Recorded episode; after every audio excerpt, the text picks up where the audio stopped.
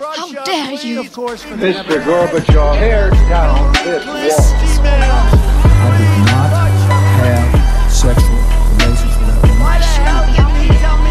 Read my lips. Hell yes, we're gonna take your AR-15. I have a dream. Thank you. Ja, I uh, ukas episode så skal vi snakke om noe uh, Ja, det må vel være kanskje noe av det største som har skjedd. Uh, en av de mest hete boklanseringene, Harald, denne, denne våren. eh, som jeg har gleda meg til å snakke om, og det er jo da Ja, det er min egen bok, da. Så det Ja, gratulerer masse med, med ny bok. Den har jo vært ute en uh, drøy måned eller noe sånt nå, er det ikke det? Jo da, den har, den har det. Så da Det er gøy. Det er, det er artig å, å, få en, eh, å få ferdig en bok, i hvert fall eh, når man skriver eh, Det er jo Det er jo litt eh, Man går jo med mye kunnskap som, som forsker, det vet du og Harald, og så er det litt det der med hvordan kan man, uh, hvordan kan man publisere det, eller hvordan kan man spre det ut, eller lage det i en slags form som er litt interessant. Uh, både for en sjøl, som forfatter, men også for lesere. Så jeg håper jo at det er en del som finner den boka her nyttig, da. Når de vil lære litt mer om bekjempelse av terrorisme. Fordi det er, det, det er jo det boka heter. 'Kampen mot terrorisme. strategier for bekjempelse'. Eh, mye basert egentlig på mye arbeid som jeg gjorde i doktorgraden. Eh, og, og igjen, Harald, det vet du veldig godt, det er mye som sitter igjen etter doktorgraden som man aldri får gjort noe med. Det er, det er mye arbeid du gjør der, altså. Ja, og det er jo et arbeid som legger eh, mye av grunnlaget for det man jobber med senere i Når man begynner å undervise og forske også. Mm. Eh, Så doktorgraden er jo ofte et, eh, et godt eh, fundament for mye av det man, man gjør videre. Mm. Og det er jo sånn fundament, kan du si òg? Altså som, og, og det er andre hva skal si, publikasjoner eller, eller kanskje argumenter eller, eller, eller disse tingene. Det, det er basert på dette fundamentet. Altså, jeg, jeg kan jo bare si sånn Jeg har jo skrevet om det her mange ganger før i, i diverse kronikker, og sikkert snakka om det på podkast nå, men, men, og leseren vil jo finne igjen det her i den boka her òg, at, at eh, jeg er veldig kritisk til krigen mot terror. Uh, og veldig ofte så kan, jeg, kan, kan du bli møtt, og jeg har blitt møtt med det mange ganger, at det, måtte, det er min mening, eller jeg liker ikke USA, eller jeg liker ikke Vesten, eller sånn forenkla tull. Men greia er jo det at uh, jeg, jeg forsøker jo når jeg, jeg, når jeg sier da at krigen har vært bortkastet, så er jo det basert på dette fundamentet eh, som ligger under. Eh, så det ligger jo arbeid bak. Men, eh, men det er jo eh, Det er nå bare én av de tingene. Det var uansett artig å skrive boka, og jeg måtte jo skrive som bare rakkeren eh, før eh, Før da Bjørn, altså sønnen min, ble født. Så det var en viktig motivator, kan jeg bare si. For å bli fort ferdig. For jeg, det, jeg, jeg antok jo at det kom til å bli mindre tid til å skrive etterpå. Eh, og, det var, og, det, og det har det blitt. Er ingen, kanskje ingen, ikke den største overraskelsen, men uh, det, det er jo uh, ganske mm, Det er jo noe som, som forandrer livet, ganske radikalt. I hvert fall mer enn ei bok. Det, det er det uten tvil. Det- Men, men, men ikke for det. det og, så det var en kraftig motivator. Men jeg må jo bare si det òg. Altså, boka er jo publisert på Fagbokforlaget. Så det er bare for våre lyttere å google opp boka. Eh, Løp og kjøp, som det heter eh, på markedsføringsspråket. Ja, så nå har du fått oppfordringen fra Harald, så da er det bare å, det er det bare å følge eh, oppfordringen. Eh, og, men, men jeg vil også bare si at det, det som var interessant i en sånn prosess, og det er jo også at jeg var ganske heldig med en uh, særdeles god redaktør, da. uh, som, der vi jobba mye med språket og, og, og litt hvordan vi skulle presentere det. Fordi eh, man kan bli litt, litt låst kanskje i en sånn, an- eh, i en sånn akademisk formulering og skrivestil eh, som man må komme seg ut av. Eh, det, det tror jeg jeg har gjort her, da. Ja, nei, så Språket eh, i en bok er jo også ofte litt annerledes i en artikkel. Det er- skal jo være litt mer eh, Kanskje litt mer levende, og man skal Det er jo også en lengre tekst, så man trenger kanskje et eh, språk som, eh, som er eh, eh, litt lettere for at leseren skal, skal henge med, uansett hva slags tema det er. Mm. Men vi kan jo gå litt mer i dybden på selve boka. Og du hadde jo et bokbad på Høgskolen i Østfold på mandag, hvor du fikk et innblikk Mm. i, eh, i boka. Så um, vi kan jo kanskje se på noen av de samme noen av de samme spørsmålene uh, og temaene som uh, ble tatt opp uh, i Bokbadet, eh, og eh, få et, et innblikk i kampen mot terrorisme. Det kan vi jo Det er jo eh, Det, er jo, det var jo eh, det, det bokbadet òg, som var eh, i, i regi av Areas, forskergruppen ved HJ, det ligger jo også ute på HJ sine sider. Så det er bare å søke det opp der. Jeg tror vi, Det ligger ute på Areas. Du er sikkert bare søke på HJ og Areas, så ligger det vel video og lyd av det bokbadet, hvis noen skulle være interessert i det. Men det er jo det som er en, er en interessant greie som kom opp i Bokbadet, og som vi snakka om litt i stad, eller før, eh, før vi begynte å spille inn, Harald, det var jo litt dette med, med definisjoner. Eh, som, eh, som ofte er eh, en greie i ja, det, egentlig det meste sånn vitenskapelig arbeid, så må man jo ha en definisjon av, eh, av et eller annet. Eh, og jeg tror kanskje at noe som er litt unikt kanskje i boka mi, er at jeg definerer jo ikke terrorisme. Eh, jeg hopper jo elegant eh, over.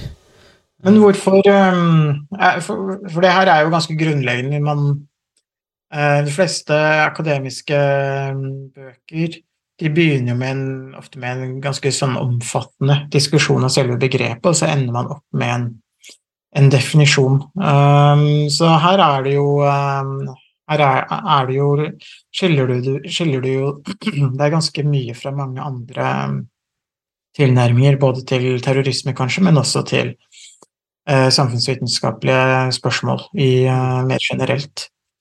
Mm. Eh, så hvor, hvor, hva var det som gjorde at du, eh, du valgte å ikke ha en, en tydelig eller fast definisjon av terrorisme? Eh, Det jo det korte, korte svaret er jo det at det, det finnes fryktelig mange definisjoner av terrorisme. Eh, og det er stor uenighet på fagfeltet hva det er, og det, og det er veldig mange eh, definisjoner i praksis. slik at eh, Definisjonsarbeid i seg sjøl er egentlig ganske vanskelig. Eh, jeg har jo noen definisjoner som jeg måtte operere etter eller men med, og som jeg mener på en måte illustrerer eh, terrorisme på en god måte. Det vil si Jeg har vel egentlig ikke en helt klar definisjon heller. Jeg har jo en terrorisme som en idealtype. etter, etter Max Weber. Eh, som opererer med idealtyper og ikke nødvendigvis definisjoner. Det, så det er litt annerledes der. Men poenget da, i, de, i denne boka så, var, så mener jeg at det var ikke vits å definere terrorisme. Eh, og bakgrunnen for det eh, Og jeg går gjennom det her i første delen av boka, egentlig. Det er jeg, hvor, jeg, hvor, jeg, diskuterer definisjonsdebatten om terrorisme. Og det handler veldig om, om ontologiske og epistemologiske spørsmål. Så hva, hva, hva slags eh, Hvilken ontologisk posisjon velger man? Og det vil si Er terrorisme en ting i seg selv? Eh, eller er det, eh, en, eller er det noe som vi tolker eller gir ord som, som terrorisme? Vi forstår det som terrorisme. Eh, og det er ganske, det er ganske vesentlig. Eh, og jeg er, inne, jeg er inne på den debatten. Men så Det som, eh, det som er, er på en måte mitt hovedanliggende da, i boka, det er å presentere ulike modeller for bekjempelse av terrorisme. For det fins mange ulike modeller. Krigsmodell, strafferettsmodell, eh, ikke-voldelig, eh, kritisk radikalisering. Det fins ve veldig, veldig mange ulike modeller, og det var jo også en ting som jeg drev med i doktorgraden min, var jo å kartlegge da, alle disse modellene. eh, for å finne ut hva er forskjeller og ulikheter mellom de. Og så kunne jeg jo begynne å slå de, slå de sammen. ikke sant? Og i, I et annet kapittel i boka så snakker jeg mye om typologisering. Og da viser jeg om eksempler på mange ulike modeller, og så sier jeg på en måte at eh, de, disse, disse modellene her, de, de av fire forskjellige forfattere, de hører inn under det vi kaller for, for en mjuk tilnærming, eller en hard tilnærming, eller osv. Men det som var eh, mitt anliggende da, er at eh, alle de ulike modellene de viser for, forskjellige ontologiske og epistemologiske posisjoner. Altså det vil si, de viser De har ulikt syn.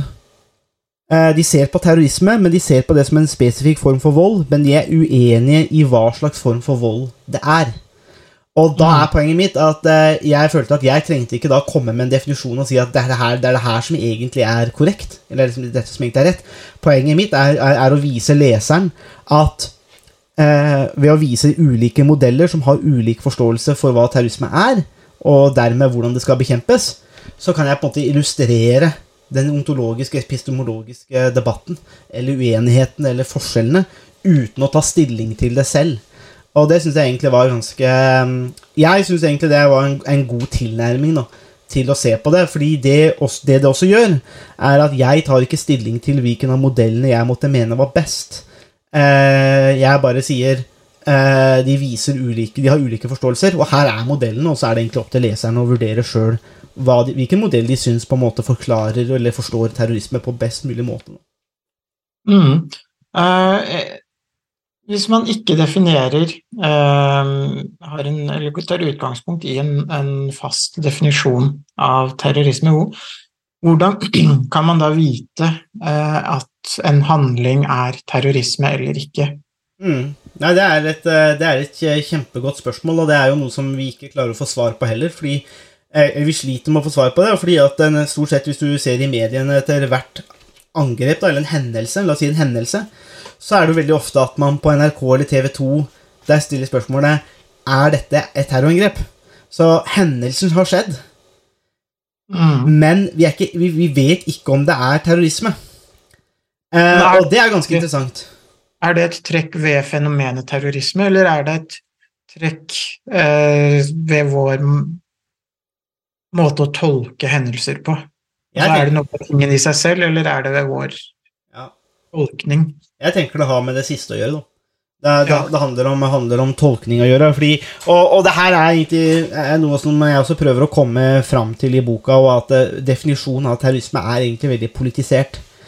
Det er sterke interesser som, som har forsøkt å definere, definere terrorisme for å gagne en sjøl, da. Eh, Så jeg viser jo på en måte arbeidet, særlig da fra 1970-tallet av, med å, å definere terrorisme som et eget problem. Og sentralt i det definisjonsarbeidet så står jo Israel og Benjamin Netanyahu eh, og publiserer jo bøker på det. De arrangerer de noen av de første konferansene om terrorisme. Eh, og og der, i, i, i, I en av disse bøkene så skriver også Netanyahu at formålet med denne konferansen var å skape en definisjon av terrorisme som ramma på en måte, eller omfatta palestinere og arabere. Eh, og at eh, målet var å få andre land med på denne definisjonen av terrorisme. Eh, og det, og det, det står på en måte bare det, det, det, det hadde ikke hatt noe problem å si da. Jeg vet ikke om han hadde sagt det nå, for han er antageligvis en mye bedre statsleder nå. Litt mer sånn slu statsleder nå. Men dette ble jo skrevet i 1978, for eksempel. En, en av disse bøkene. Og da, da var, de, var de ikke så opptatt av å på en måte kanskje ja, De var mer åpne da, med formålet med å definere terrorisme. Eh, at, eh, og Det er derfor mange på forskningsfeltet har sagt at eh, det å jakte på en allment akseptert definisjon, det er bortkasta arbeid. Det er det, det er det mange som sier. At det eneste du ender opp med, er en form for aktivisme. Og så får du bare folk som bruker terrorisme om folk de ikke liker. Eh, og, og, og, og jeg syns jo det er ganske vanskelig. Jeg har jo forsøkt da å definere eller lage en definisjon eller en idealtype av terrorisme sjøl, som legger vekt på særlig dette med, med gruppe og, og eh, at det, det foregår over lengre tid. Eh, og at det, så det har på en måte den logikken ved seg. For da mener jeg at hvis du har en gruppe da, som Al Qaida for eksempel, eller Osama bin Laden, som tross alt gjennomførte angrep mot amerikanske interesser ganske jevnlig gjennom 90-tallet, så mener jeg at eh, ok, der kan jo eh, terrorismebegrepet gi god mening, for at det er en gruppe. Vi vet eh, De har jo noen mål, og de bruker disse angrepene for å eh, A. Spre frykt, men de gjør det også for å kommunisere et politisk budskap. Eh, og, så- og, og dette vet vi. Eh, og vi ser dem opp, kan observere over tid. Da mener jeg at hvis du definerer terrorisme på den måten, så kan da antageligvis stater bli mye mer treffsikre på hvordan de bekjemper det. Men hvis terrorisme blir på en måte alt som sprer frykt Altså La oss si det, da. Det er noen som har den definisjonen at terrorisme er vold som sprer frykt. Da er det ganske vanskelig Da, da, blir plutselig det begrepet veldig flytende. Da kan, det, da være hva som helst, egentlig. Eller veldig mye, da.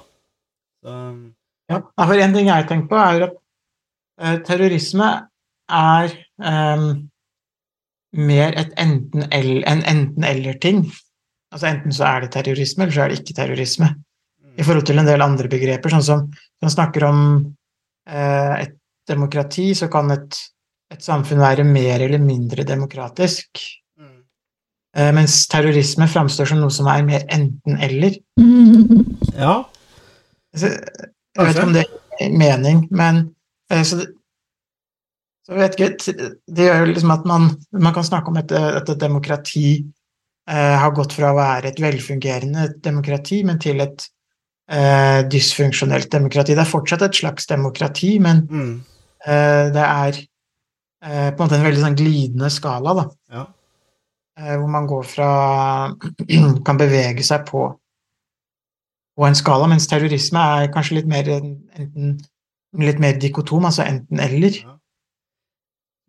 Jeg, jeg, jeg, jeg, skjønner hva du, skjønner hva du, du, du sier. Eh, Det er jo interessant det der om på en måte, er det terrorisme eller altså, Det er enten-eller, da. Eh, Jeg tenker eh, Jeg vet ikke om, det blir noen direkte svar på det, men det, det som er interessant, er jo, er jo Man kan jo kanskje vri det over og spørre da også Er på en måte Er en terrorist alltid en terrorist?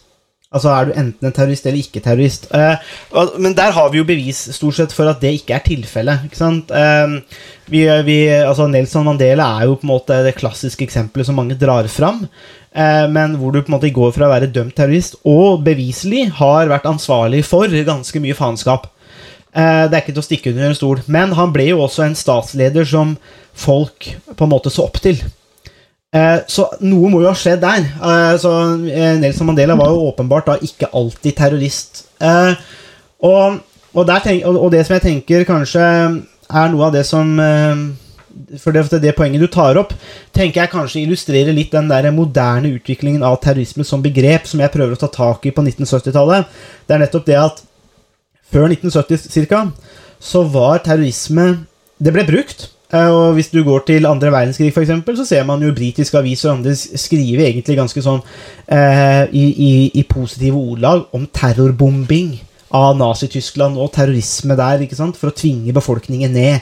Eh, og når det kommer til kolonikonflikter, så ser man jo på terrorisme som et verktøy. Så sier man at eh, ja, man har, man har en gruppe som IRA, ANC, ETA, andre grupper. Eh, der er det en nasjonal konflikt eller en politisk konflikt, og så bruker de terrorisme som et verktøy. Men det betyr ikke at man er terrorist. Det betyr bare at man velger å bruke terrorisme som et, eh, en taktikk. Et verktøy, en taktikk for å oppnå sine mål. Eh, og det er også det som er tradisjonelt, tradisjonelt sett Norges tilnærming til det. Som jeg syns er interessant. Så jeg tenker jo på en måte at jeg vil nok egentlig mer den veien, da. At eh, grupper, særlig Altså, det er enkeltpersoner, la oss si bre, om det skal være Breivik, Brandon Tarrant eller folk i IS, eller hva det måtte være, som åpenbart på en måte Ja, de hater verden, de hater folk, eh, de har sine overbevisninger og vil drepe folk. De fins jo, men jeg tenker at i den store majoriteten så må vi over til synes, tror jeg det er mye mer fruktbart å se på terrorisme som et verktøy eller en taktikk som ulike aktører kan bruke, inkludert stater. Ja, Uh, så ehm, Det er en slags sånn pragmatisk tilnærmelse og forståelse av terrorisme, hvor det kan være en strategi eller en taktikk som en aktør velger eh, å bruke fordi det vil være med på å nå bestemte politiske mål. Ja, altså jeg mener jo det, da. Eh, men jeg er jo også av den oppfatningen Og det har litt noe med at 80, o- o- over 82% av alle terrorangrep som noen av disse databasene klassifiserer Og da kan man jo også igjen lure på hvordan definerer du terrorisme for å putte det inn i en database. Men hvis vi aksepterer de tallene, da, så ser vi at majoriteten av angrep skjer jo i konfliktområder. Veldig ofte så, disse, så handler det om politikk, ikke sant? Altså, eh, og ser man det på i ulike områder, f.eks. i Afrika, så, og, eh, så, som har en del hendelser, så handler det ofte om vann, beiterettigheter eh, og en del etniske konflikter der. Så jeg mener jo at det politiske aspektet egentlig er det aller viktigste. Men, men det er noe som forsvant, særlig etter 2001, for da ble jo terrorister de var jo bant og bare onde, diabolske jævler som fløy rundt, og vi, vi, vi, vi bare satte de i, i en kategori. Eh, og det er helt riktig. Altså, det, det er, det de personene fins. Men det betyr ikke at vi får mer nøyaktighet. i begrepet. Og vi får ikke en bedre forståelse av hva det er. Og det, og det kan jeg jo bare si at det har jo på en måte vært mitt, an, ho, mitt hovedanliggende. er jo det at Når vi bruker milliarder av kroner på å bekjempe terrorisme, så hadde det kanskje vært en fordel om vi på en måte tok litt mer hensyn til hva er det egentlig er, og hvordan er det det fungerer, og hvordan, det, hvordan påvirker det vi gjør, terrorisme. Ja. Um, for um, Er terrorisme da um, alltid politisk? Eller er det, kan terrorisme være noe som foregår utenfor en politisk eh, sammenheng? Hva som ikke er politisk, da, Harald? Ja, alt, alt, alt, er, alt er politikk. uh, ja, er det egentlig det? Uh, vi, vi er jo ja, altså vi kan jo, det der er jo Analytisk så er jo det to forskjellige spørsmål, selv om de i praksis ofte kan henge sammen. Men um, hvis, er, hvis alt er politikk, og terrorisme alltid er politisk, så får man jo en eh, forståelse av terrorisme som kan omfatte eh, ganske mye også. Mm. Nei, jeg, jeg, tror ikke, jeg tror ikke alt er politikk, og, men Og det er, det er et interessant spørsmål. Det der på en måte eh, opererer terrorisme La oss si at som fenomen er det noe som på en måte er politisk, eller kan det tilhøre f.eks. andre deler av samfunnet, da, om det skulle være kanskje religion eller andre typer ting. Men, men, men, men jeg tenker at eh, det primært sett er Hvis jeg skal prøve å, da, å skjære gjennom der og, og på en måte skille det fra andre ting, så vil jeg si at det henger sammen med politikk. da. At, eh, at det er på en måte den store fellesnevneren. eh, at det handler om politiske ting. Og det, det som jeg syns er bra med det, det er det at det tar ned tabuet litt. Det, det tar vekk tabuet rundt terrorisme litt, og det normaliserer det litt. Fordi hvis du ser på grupper som gjennomfører angrep, f.eks. Eh, som Al Qaida gjorde, da, så fram til 2001 så hadde de også uttalte mål om å angripe amerikanske interesser for å tvinge de ut av Saudi-Arabia. Men det er egentlig et veldig greit politisk stridsspørsmål, egentlig. Altså, da, da, da a- deamystifiserer man egentlig litt eh, eh, gruppa, da. Og så ser man ok, det er, de, det, dette er på en måte åpenbare politiske mål. Eh, og så er spørsmålet hva kan man gjøre med det? Eh, og det er jo det som også Norges, eh, til, har vært Norges tilnærming til det. Og jeg har jo kapittel i boka om Norges tilnærming til bekjempelse av terrorisme, som er, på en måte er forskning som blir presentert for første gang her på norsk. da. Uh, og jeg gjennomførte jo intervju annet med tidligere ambassadør da, til Afghanistan, Tore Hatterem. Og han, han var veldig klar på det at uh, så, så klart snakka du med Al Qaida, og så selvsagt snakka du med Taliban, men poenget var det at eh, du må se på opererer de innafor det som han kalte da et meningsfullt politisk rom. Så hvis Taliban kom og sa at vi vil ha ut vest, vestlige land, og vi vil styre eller vi vil gjøre sånn, så kunne de si at ok, det er noe vi kan forhandle om. Mens hvis du får IS eller sånt noe, som vil si at nei, men eh, Vest-Europa skal inngå et kalifat, så er det bare sånn ok, men det er utafor det meningsfulle politiske rommet. Det det, da, da er du på en måte utafor det vi kan forhandle om. Men, eh, men IS hadde jo også en kvasipolitisk status. De var jo en kvasistat eh, som forsøkte å operere, så de hadde jo politiske mål og, og de tingene der, de òg. Så det var jo ikke bare, de gikk jo ikke rundt og drepte folk bare fordi de hata masse folk. De hadde jo noen tanker om å etablere dette kalifatet sitt. Eh, men eh, jeg, jeg tenker at det er mer å tjene på denne koblingen med det politiske da, enn enn ikke.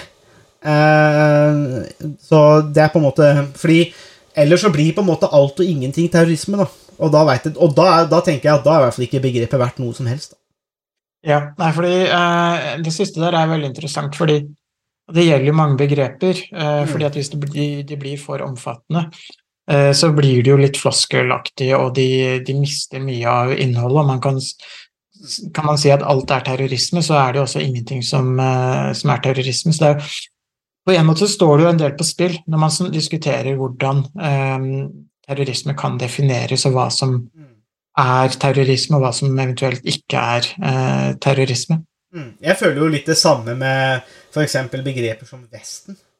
Eller en del stater, altså vestlige stater. For det er litt sånn i hvert fall, altså, eh, Ja, det er en del fellestrekk, men, men, men, men samtidig så føler jeg ofte at eh, når, når mange skal og, det, og, og, og har, det er blitt gjort mye rart av stater i såkalte Vesten, altså. Men, men, da, men det er litt sånn Det er mange, i hvert fall som er veldig, hvis de er veldig kritiske, da, som tar en sånn aktivistisk tone, så er det helt greit å bare pakke alle vestlige stater, eller stater i eh, vår hemisfære, da, sammen til en slags én enhet, som fungerer på en måte på samme måte. Eh, og det er, en, det er en virkelighet som er veldig, veldig fjern, men som, de, som for mange tydeligvis er helt ok. Eh, og det samme, Så, så jeg, jeg ser litt likheter mellom noen av disse begrepene her. da, At eh, man får litt sånn der uklar definisjonsbruk. Eh, Ja. Nei, altså det å, mm, å uh, kalle Vesten for én homogen gruppe hvor uh, Australia, USA, uh, EU og kanskje til og med Japan øh, er en del av en sånn fast blokk eller gruppe, er jo en, en overforenkling som som tar bort alle de øh, uenighetene og nyansene som finnes i forholdet mellom de, de ulike gruppene. Man ser jo litt det samme nå i forbindelse med krigen i Ukraina, hvor man snakker om det globale sør som Mm. gruppe som uh, aksepterer eller er i større grad eller mindre, eller mindre grad uh, negative eller vilje til å kritisere Russlands krigføring i Ukraina. Og det, der er det jo også um, ekstremt store forskjeller uh, mellom eh, India, Kina Mm. eh, og også Sør-Afrika, Brasil, Indonesia, eh, mange andre land også. Eh, Så det, man ser jo ofte at den type overforenklinger eh, brukes eh, veldig mye eh, blant eh, både politikere og kommentatorer og noen ganger også forskere som eh, eh, som, og som ofte eh, opplyser mindre, eller forvirrer mer enn det opplyser, eh, når man bruker den type, type overforenklinger. Så Sånn sett så er, er jo en diskusjon av hva terrorisme er, eh, et potensielt fruktbart område. Mm. Eh, Hvis vi går litt videre, så har du jo også noen modeller, eller sånn analytiske modeller for hvordan man kan forstå eller tolke eh, terrorisme som, eh, som fenomen. Eh, og kan du si litt om de, eh, de ulike modellene sin eh, rolle i, i boka, og ditt syn på hva terrorisme er, og hvordan vi skal forstå begrepet? Mm. Ja, det er jo kjernen i boka, er jo disse modellene. Eh, og jeg starter jo kapi kapittel tre med å, å sammenfatte og, og typologisere en hel mengde modeller. Og vise litt sånn overordna hvordan er det man kan se på modeller. Uh, og, og gjøre det arbeidet der. Uh, og, jeg, og jeg tenker jo at modeller er jo, er jo teoretiske konstruksjoner langt på vei. Som vi bruker til å angripe et fenomen eller forstå et fenomen og og, så uh, og, og det er på en måte poenget mitt. da det er å vise bredden av ulike modeller i litteraturen, men også i praksis, og hvordan de er bygd opp. Hva de fokuserer på og ikke fokuserer på, og hvordan de eventuelt komplementerer hverandre, for det gjør de jo. Eh, De, er, jo ikke, de er jo ikke ekskluderende. Eh, Stater har jo ofte blanding av alt. Eh, Så hva, hva er de, de viktigste modellene? Så den jeg, jeg starter jo først, da, med terrorisme som krig, eller det som vi alle kaller krigsmodellen. Eh, det er også en modell som har eh, særlig dominert siden 2001, når vi fikk den globale krigen mot terrorisme. Men det, det sentrale verktøyet i eh, her, det er egentlig bruk av militær makt, eller militær vold. Vil si at grupper bekjempes på samme måte som i en konvensjonell krig. Eh, og det har jo også for så vidt gitt, eh, gitt bydd på en del utfordringer, da, fordi at det viste seg jo at mange av disse gruppene ikke nødvendigvis var som konvensjonelle aktører. De går ikke rundt i uniform osv. De, de er en del av befolkningen, og det gjorde vel kanskje at det ble en slags hammer som ikke passa eh, til eh, prøvde å skru inn prøvde, de prøvde å skru inn skrua med en hammer, og det, det, det funka dårlig. Men, men, men, det, men dette er egentlig en veldig sånn eh, Dette er en klassisk modell egentlig av bekjempelse av terrorisme. Det at man bruker militære krefter til å bekjempe grupper. Så hvis f.eks. en gruppe som Al Qaida eller andre grupper, eller IRA, da, som også ble forsøkt bekjempa militært, så har man en gruppe som utgjør en trussel. Så bruker man militær makt til å lett og slett undertrykke og eliminere de. Uh, og det er ofte noe som gir veldig mening, sånn rent sånn intuitivt, sånn i hvert fall umiddelbart. Og, og det er også den som har dominert særlig siden 2001. Og så gjør jeg et skille, fordi at eh, terrorisme som krig før 2001 uh, eller krigsmodellen, den var litt annerledes, for den så egentlig på terrorisme som en del av politisk konflikt og som opprør. Altså, da, er vi tilbake til dette verktøyet. De så på terrorisme som verktøy. Mens etter 2001 så, så, så er det på en måte en sivilisasjonskrig. Da er plutselig terrorisme en sivilisasjonskrig, og det, det har jeg mange problemer med. Eh, ikke minst fordi at eh, når du da går til krig mot et begrep som du ikke veit egentlig hva er, så er det ikke noe, noe naturlig ende. Eh, og når du også løfter en krig eller konflikt opp til f.eks. sivilisasjonsnivå, så har du heller ikke noen lenger noen rasjonelle eller begrensa mål som du kan oppnå og da trekke deg ut. Fordi at det blir litt som i første verdenskrig. altså Du går til krig for å gjøre slutt på alle kriger. Da er det ikke så fryktelig lett å trekke seg eh, og si at eh, nei, men det her var greit, egentlig. Um, og så krigen, etter, krigen, mot terror etter 2001 har jo blitt svært omfattende. Uh, på en måte som burde skremme de fleste som har liberale tendenser. Uh, for det er mange ting som vi så på som ekstremt i 2001, som nå på en måte er en del av vårt liv. da.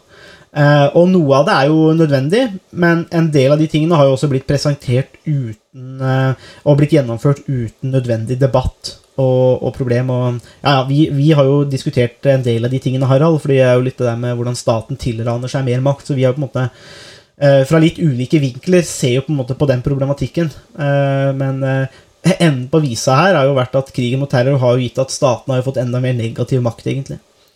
Så det er jo da krigen.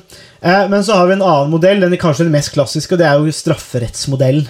Her er det jo tre modeller, egentlig. da Terrorisme som kriminalitet. Og den er egentlig ganske naturlig, fordi at terrorisme, det å, hvis du dreper noen eller du sprenger noen bomber og, eller, og så, videre, så er jo det allerede kriminelle handlinger. slik at det, det, gir jo egentlig mening for stater å bekjempe terrorisme hvis vi sier det, som en form for kriminalitet. Eh, da kan man bruke politiet, eh, det juridiske, altså rettsvesenet, man har disse tingene her, og man, eh, man gjør ikke noe, noe, mer ut av det egentlig. altså Man gjør ikke noe sånn eksepsjonelt ut av det. Det er ikke en sivilisasjonskrig, det er kriminalitet. Eh, og da er politi og etterretning de viktigste aktørene. Eh, og en av fordelene med dette, da, som mange peker på, er at det kan bidra til å normalisere responsen. For på terrorisme. Da. det kan man jo f.eks. se på Breivik. Det at eh, de fikk arrestert Breivik, og så sendt den til en norsk rettssal og dømt den der er, bidrar jo egentlig til å normalisere situasjonen litt òg. Altså det, det, er en utrolig tragedie, men behandlingen av han som kriminell det er jo noe som han mislikte sterkt. Og, men jeg tror sender et sterkt signal, da. Men her peker jeg jo da på at strafferettsmodellene er egentlig tre. Så har den klassiske strafferettsmodellen, som er reaktiv. Som eh, er det vi tenker på som vanlig strafferettsmodell. Noen har gjennomført en kriminell handling, og så er det etterforskning eh, og så straff. Eh, men så har vi fått en gradvis ut, utvikling, da, hvor vi nå hvor vi flytter oss fra det reaktive til preaktive. Det vil si, man forsøker å komme i, i forkjøp.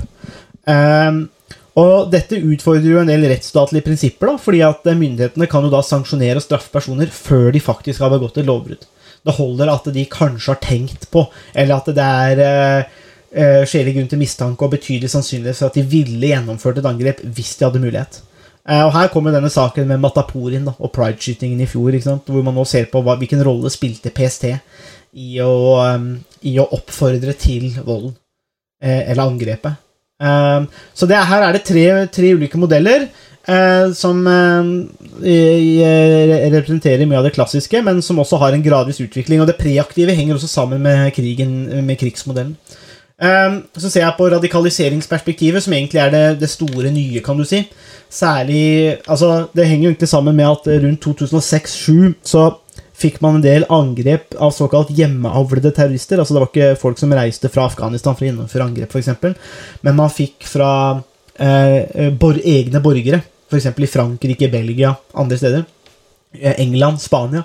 Så fikk man en del angrep eh, som ble gjennomført uten at de reiste for å angripe, men de, de var på en måte hjemmeavla. da. Og, og da, da, da, kom det en slags erkjennelse av at kanskje krigen mot terror var for begrensa. Kanskje det er noe annet som påvirker her. Og da kom dette radikaliseringsperspektivet. Og det er en, det er en, eh, en, en radikaliseringsmodell. Jeg kaller det egentlig perspektiv, fordi det er ikke én modell heller, men det er jo ulike modeller der òg, da. Eh, men hvor man ser på at radikalisering da, eh, er det som på en måte eh, er en ny skumle. Folk kan sitte på internett, se videoer, lese, snakke med hverandre og på den måten selvradikalisere. da. Eh, Ja, eh, Radikaliseringsmodellen er, er, er på en måte en egen modell på linje med krigsmodellen og den strafferettslige. Ja, jeg, jeg, jeg har skilt det ut fordi at den er så omfattende i arbeidet sitt, og den er helt annerledes. fordi at eh, og den, Igjen så vil den jo henge sammen særlig med strafferettsmodell. De, de, eh, jeg, jeg sa jo i stad òg at mange av disse elementene altså Modeller er jo teoretiske konstruksjoner, og, no, og noen ganger så kan det bli litt kunstig. Eh, men vi, vi gjør dette skillet, men de overlapper jo. Altså Stater gjør jo ikke kun én ting. De setter seg ikke bare ned og leser boka mi og sier én modell, og så følger de den slavisk. Men man gjør jo ulike ting, for man har jo militær, man har etterretning, man har E-tjeneste, man har helsevesen. ikke sant? Så det er mange ulike ting. Men jeg har valgt å dele opp da radikaliseringen i en egen, eh, i en egen bolk, rett og slett fordi at eh, Og jeg skriver jo da at den står i kontrast til de andre modellene ved at den ikke nødvendigvis er konkrete grupper og handlinger som står i sentrum. Men i stedet så er det ekstreme tanker, holdninger, ideologier, personer og miljøer som fremmer disse, eh, som da kan lede til terrorisme. Det er det som er av interesse. Slik at Det har egentlig et mye bredere perspektiv, og det snakka jeg en del om på det der bokbadet vi hadde i Halden nå. at eh, Det som er veldig interessant og litt skummelt, da, er på en måte hvem er det som definerer hva som er radikalt og ikke. Hva er det som på en måte skal varsle om de tingene der. Eh, og det tenker jeg er litt interessant. Eh, så har jeg en, I kapittel sju har jeg en modell som jeg, Eller kapittelet heter jo da 'Ikke-voldelig bekjempelse av terrorisme'. og det henger egentlig sammen med de såkalte mjuke tiltakene for bekjempelse av terrorisme, som er et sånn vanlig begrep i fagfeltet. Eh, Men det, det handler egentlig mest om ikke-voldelige tiltak, sånn som etterretning, diplomati, sikringstiltak, dialog osv. Uh, og, og det er på en måte en underkommunisert del av bekjempelsen av terrorisme. For at eh, vi skal egentlig bare drepe de, eh, kort fortalt. Eh, mens eh, der fins ikke-voldelige måter å gjøre det på. Der presenterer jeg også min egen modell. da. For jeg har jo laget en egen kritisk modell eh, til bekjempelse av terrorisme. Eh, som, eh, hvor jeg som en god vebrianer satte sammen eh, Jeg leste jo stort sett alt som var av forskningslitteratur da, på det. Og så satte jeg sammen det som var hoved, det, hovedelementene av de tingene som ble nevnt i litteraturen. F.eks. det at eh, jeg så der, da jeg gjennomførte litteraturanalyser, så så jeg at eh, mange pekte på at det som var veldig viktig, er at eh, stater kan vurdere, evaluere tiltakene sine. Og da gjerne proporsjonalitet, effektivitet eh, og legitimitet. Og det bakte jeg da inn i modellen, for da kunne jeg jo se det, og så prøvde jeg å sette sammen disse ulike bitene til en egen modell, og den har jeg jo da analysert Norges tilnærming til terrorisme på, og det kommer jo da i det nest siste kapitlet, da. Så det er de ulike modellene, og så bruker jeg min egen modell til å analysere Norges tilnærming til terrorisme, da. Så det, det, er, det er ikke kort fortalt, eh, de ulike modellene i boka. Veldig spennende.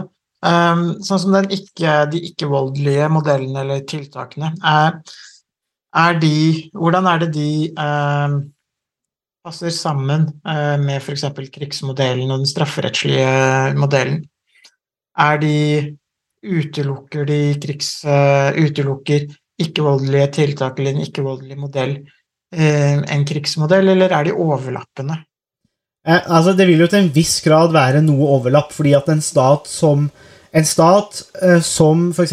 skal bekjempe terrorisme, la oss si, da, eller som du går inn i Afghanistan, da, sånn som eh, Vesten eller vestlige land, Norge, USA andre land gjorde i 2001 Det vil, også, vil, vil jo også være land med diplomati, dialog, eh, uhjelp eller bistand. Alle disse tingene. Så det er jo det er en del av apparatet. Men eh, det den ikke-voldelige bekjempelsen egentlig sier mer, er det at det er tilfeller uh, hvor bruk av militær makt er nødvendig. Så den er ikke, sånn, den er ikke, naiv, det er ikke naiv i forhold til det. Men poenget er det at eh, Og, og jeg, jeg er jo personlig da, en tilhenger av det her. Det er jo det at inngangsvinkelen, inngangsporten, må være, er bedre når den er ikke-voldelig. Vil si at man har dialog. Eh, Man undersøker situasjonen. Eh, Man må gjøre det som Johan Galtung en gang beskrev, man må ta en intellektuell helikoptertur eh, over konflikten. Eh, og da hører kanskje lytteren at det er litt sarkasme her. Det, det var litt spesielt av Galtung å mene at han som intellektuelle bare kunne ta en helikoptertur og bestemme hva som var problemet, men, men, men, men det å gå inn i konflikten og Norge har gjort det her, eh, og det er kanskje best måte å illustrere det på, er Norges tilnærming, egentlig. For det, Norge gjorde f.eks. i Sri Lanka, eh, men også til dels i Afghanistan, eh, det har jo vært å gå inn og ha dialog med partene for å finne ut hva de vil. Og det er ofte bedre å starte der, fordi, fordi det første så tenderer dialog til å redusere nivået av vold. Fordi at Selv om du er på en måte ganske na- narsissistisk og maktkåt leder i en, en del sånne juntaer eller terrorgrupper, og den oppmerksomheten, den pratinga, den er ofte veldig mye verdt. Eh, så de vil gjerne ofte være med på det. Eh, og det bidrar til å redusere nivået på terrorisme, men så finner man også ut hva de tenker. Og kunnskap, altså etterretning, er bra uansett. Fordi hvis det viser seg at militærmakt er det som må brukes, vel, da har man i hvert fall mer kunnskap om, eh, om, eh, om det som skal gjøres, da. Så, eh, men men, men så, så det er på en måte eh, greie her. Det, det som har kanskje vært et av mine hovedanliggende her, det er litt det at særlig etter 2001 så ble, ble det egentlig glemt at vi faktisk kunne ha dialog. Vi kunne bruke vanlige politiske verktøy til å egentlig bekjempe eller forebygge terrorisme. Og hvis du ser til Afghanistan, for eksempel, så gikk jo Norge inn der med et uttalt mål om å bygge opp sivilsamfunnet, bygge opp det politiske samfunnet og bygge opp Afghanistan. Det er jo jo ikke-voldelige tiltak. Problemet var jo det at landet ble jo bomba sønder og sammen først. Og så hadde man eh, hadde man jo baserte man jo mye av makta bare på militær bruk. altså eh, Jeg viser til en bok av en amerikansk journalist som bodde i Afghanistan i mange år etter invasjonen, Anand Gopal. Og han, han viser jo på en måte hvordan særlig USA da, eh, allierte seg med aktører i Afghanistan som spilte USA opp mot altså fiender. Så de hadde, la oss si, år, årtier lange konflikter innad mellom regioner og stammer. Og det noen av de stammene klarte å få til, var jo det å, å da si til USA at dette er Al Qaida arnested. Disse må tas ut. Og så gikk USA inn og tok dem og sendte til Guantánamo Bay og ødela og sånn. Eh, og det de gjorde, var at de ble egentlig lurt av sterke krefter i Afghanistan ved å bruke mye vold som skapte mer vold.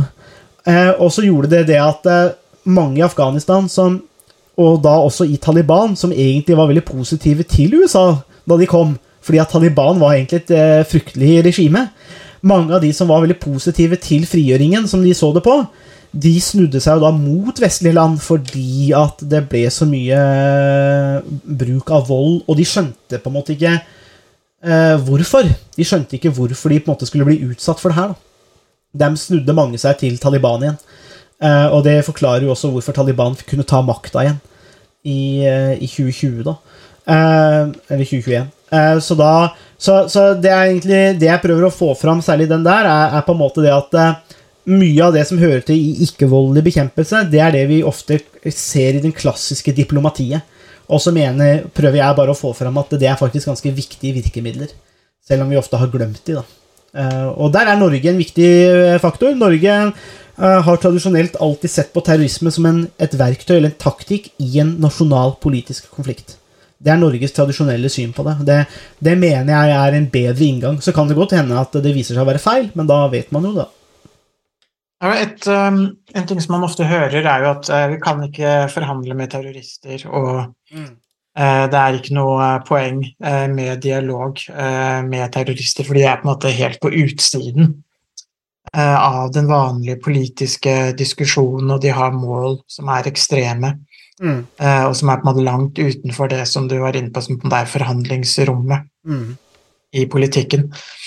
Hva, hva tenker du om den type utsagn som eh, man ofte eh, hører i den offentlige debatten, og som også både fra stater og andre eh, blir, blir presentert som, som et viktig prinsipp for å håndtere terrorisme?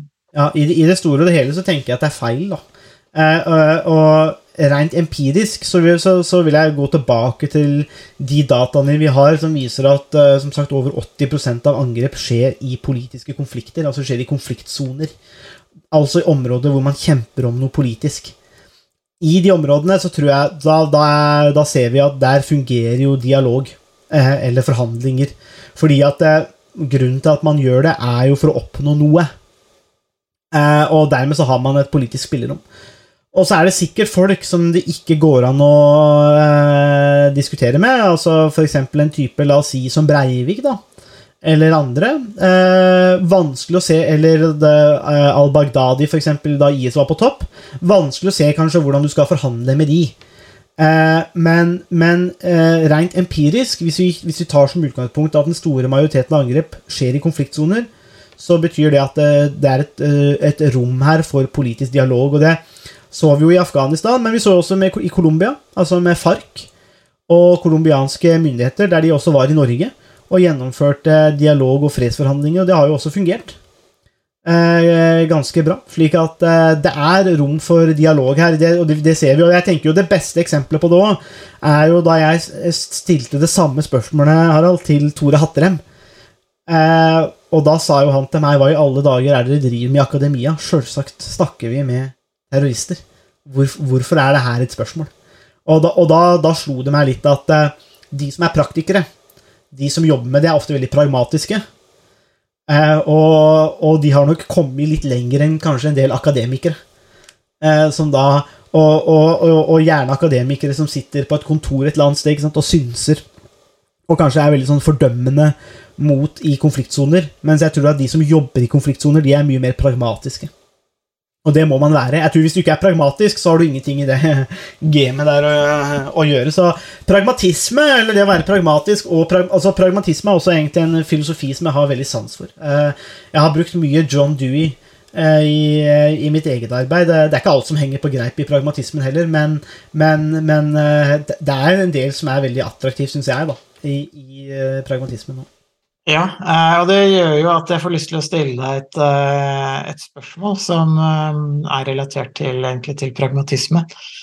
For hvis man har en pragmatisk tilnærming til, til, terrorisme, så kan man jo også stille spørsmålet kan terrorisme noen ganger være et legitimt virkemiddel? Mm. Ja, det, det, er jo Der er vi inne i et kjempestort spørsmål. For du har jo vært inne på at 80, var det 80 eller 82 eh, av det som noen ganger blir definert som terrorisme, mm.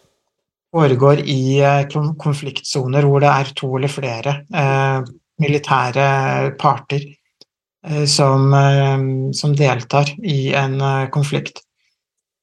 og sett fra aktørene sitt perspektiv så vil jo de alltid vurdere hvilke virkemidler, hvilke strategier og hva slags taktikk er det vi kan anvende for å nå de politiske målene vi har. Mm. Eh, og um, du nevnte jo også Colombia og FARC, eh, hvor FARC eh, har brukt ulike former for terrorisme eh, som et virkemiddel i sin eh, kamp.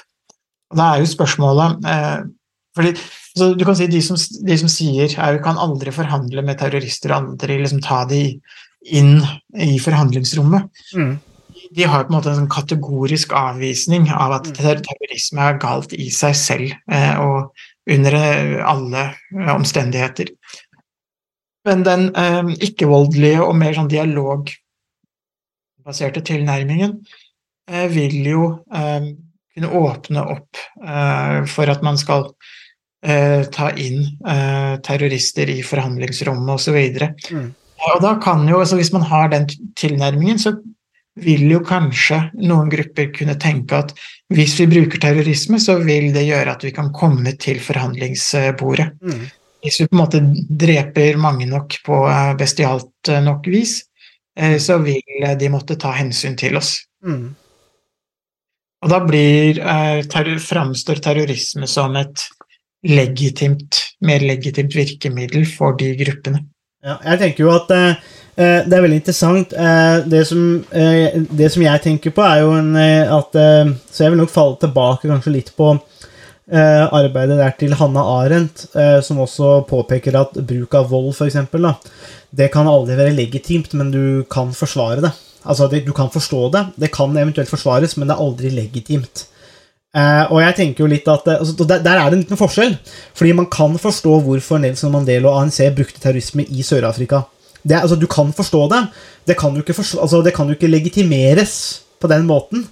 Eh, men, men, men, men, man kan forstå det. Jeg, jeg tror jeg sa For jeg snakka jo om eh, jeg, jeg har det i boka, og så har jeg jo litt min opplevelse med å møte No Large, som, som var dømt til fire livstidsdommer i Nord-Irland eh, og 357 år i fengsel. Så han har jo drept en mengde mennesker og vært ansvarlig for veldig mye rart i Nord-Irland, i Belfast. Eh, og, og jeg snakka jo med han, og han blei jo sluppet fri i 1998 som en del av fredsavtalen.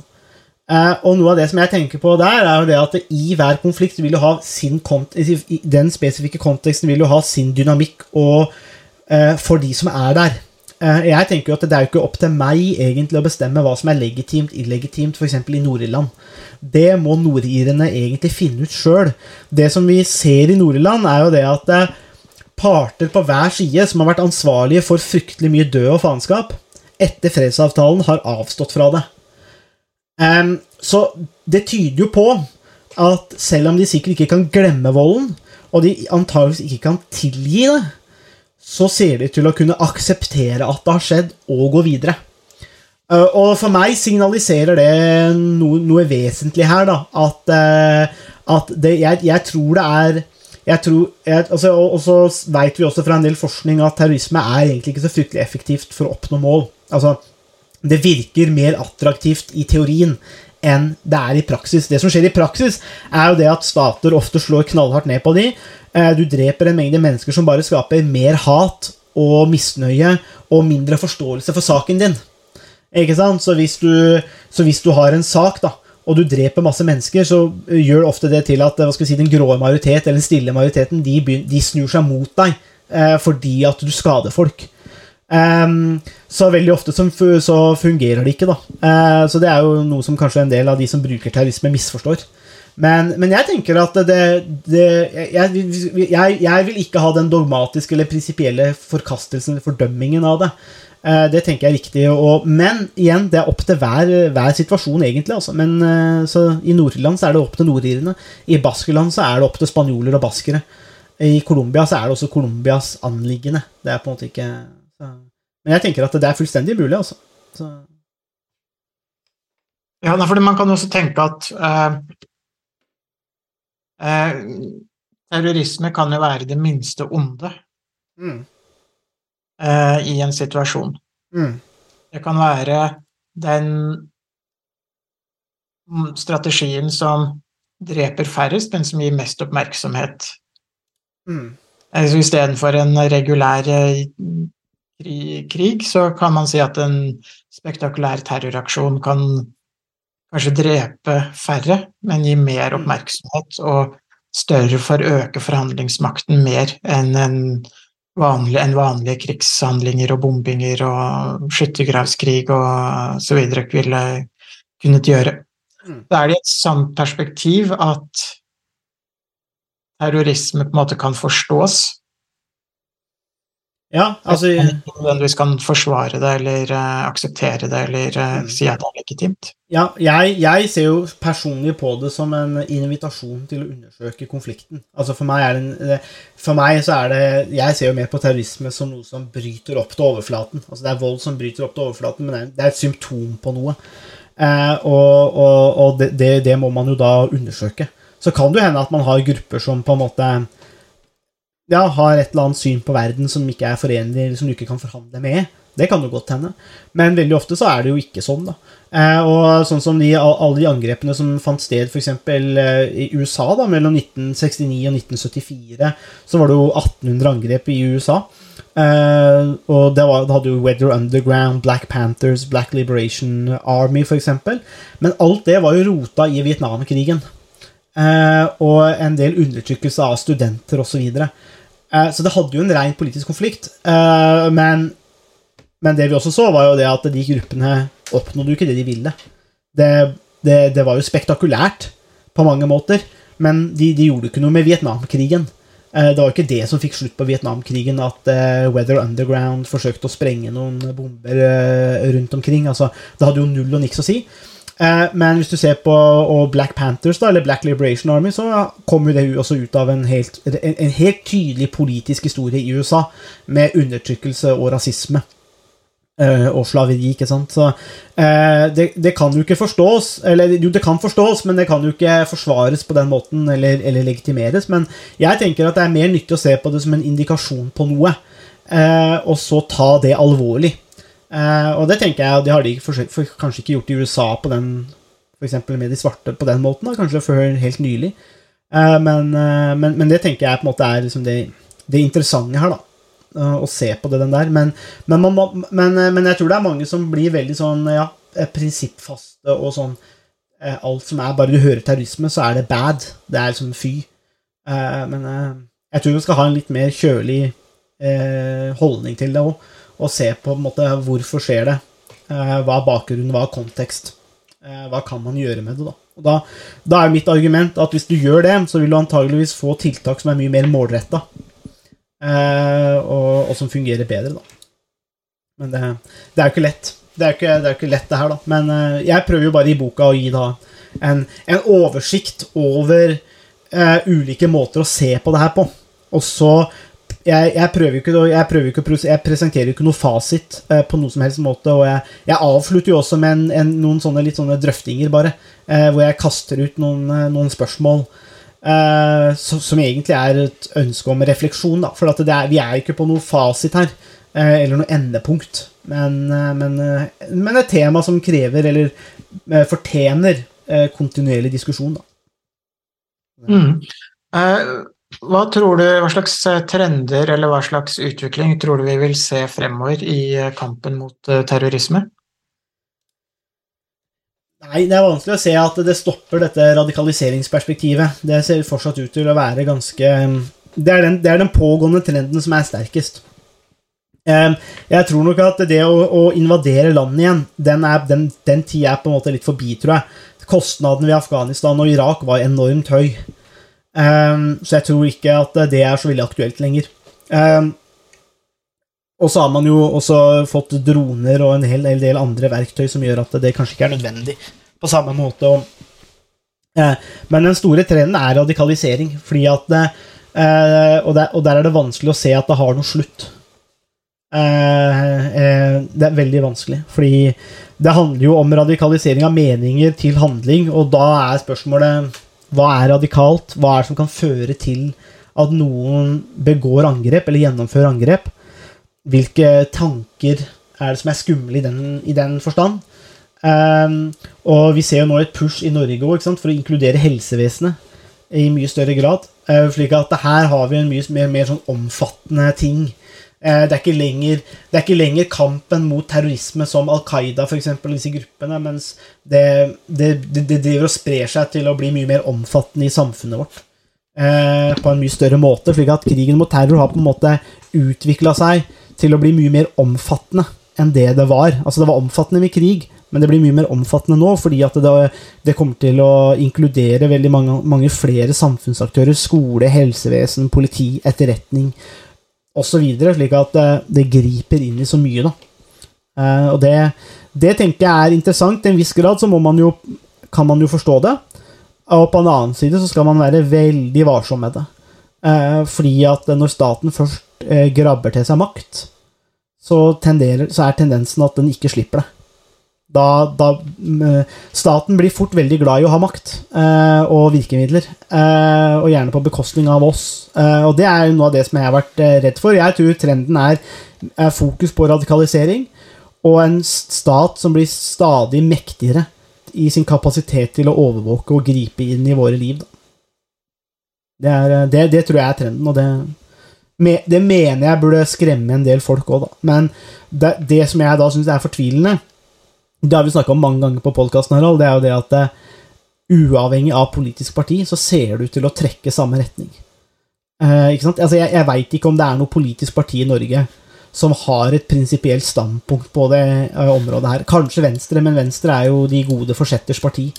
Uh, så de, de vet, man, man, jo aldri med. Men jeg har blitt skuffa der veldig mange ganger. fordi at du, du ser Og, du, og, og det, jeg, her mener jeg at det er en kobling mellom offentlig forbruk òg. Altså, vi har hatt åtte år med høyreregjering. Det har jo ikke blitt lavere offentlig forbruk. Ikke sant? Fordi at eh, Man finner ut at ok, når man først er med makta, så er det veldig fint å bare kunne bruke penger på en del gode formål for å oppnå stemmer og holde seg ved makta. Ikke sant? Så, og, og det samme gjelder staten når de får verktøy til å overvåke og kontrollere. Ehm, så jeg, og jeg mener på ingen måte at det er konspiratorisk heller, men altså stater, hvis vi kan være så uh, konsise og, og bare tillate oss å forkorte eller gjøre noen forenklinger om staten, så mener jeg kanskje at noe av det som uh, samler stater, det er eh, ønsket om uh, kontroll. da. Og, det, og, når du, og, når har, og, når, og du har gitt det, så har du kampen med å få det tilbake, å prøve å kutte det ned igjen. altså. Det var jo en, en dyster Ja. analyse, men det er jo kanskje også en realistisk analyse av hvordan eh, situasjonen er både i Norge og i mange andre land, både når det gjelder eh, kampen mot eh, terror, men også hvordan, eh, den- hvordan staten og det offentlige eh, er opptatt av både makt eh, og å bruke den makten. Vi er vel ikke kjent for å være en humorpodkast, Harald? Eh, ikke enda, men snart så blir det nok det. Vi får, vi får se. Kanskje vi må gi ut en, en bok igjen, kanskje med de beste vitsene fra, fra statsvitenskap og sånt. Det blir en tjukk bok. Det, det blir jo en særdeles eh, tjukk bok. Nei, men En eh, tjukk bok med tynne vitser.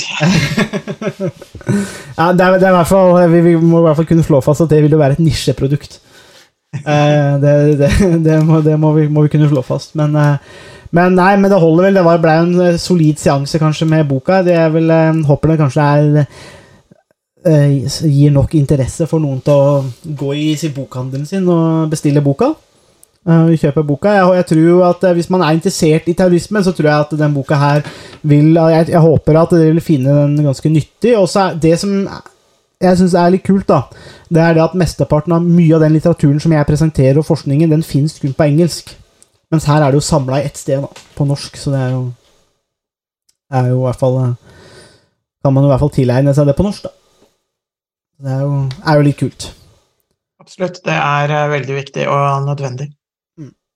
All right, men da eh, får vi avslutte den seansen. Det ble en litt lengre enn en fotballomgang. Men det, sånn er det når vi, når vi på en måte graver oss ned i, i, i de dystre debattene om terrorisme. Og det er jo, det er jo litt sånn eh, Det kan jeg også si at det er jo, det er jo sånn er det å være terrorforsker òg, egentlig. Fordi at det er jo bare sånn Det er jo det er interessant på fryktelig mange måter, men det er jo også en fortelling om på én side død og fordervelse og ødeleggelse, og B eh, en del tiltak for å bekjempe det, som også måtte, har en del dystre sider. Da. Slik at det, det er på en måte det der, så det er, det er derfor vi må spille mye golf og gjøre andre ting. Da, å, og lage podkast for å på en måte hente oss opp igjen eh, fra, fra de tingene der. Men jeg tror eh, boka skal være Håper den i hvert fall faller i smak da, for de som måtte plukke den opp. Så da, og så kan du komme til Halden og få den signert. Eh, hvis, det, hvis det skulle være interesse for det. Så da blir den sikkert mye verdt etter hvert. Men eh, det er i hvert fall eh, den. Kampen mot eh, terrorisme. Eh, strategi for bekjempelse heter den. Kan vel bestilles eh, stort sett eh, overalt. Takk for at du hørte på Statsvitenskap og sånt. Har du spørsmål, kommentarer eller tilbakemelding, så er det bare å ta kontakt på vår Facebook-side, per e-post eller brevdue. Musikken er som vanlig laget av Robin Horvath, og Mats Halvorsen mikser og redigerer podkasten. Vi høres!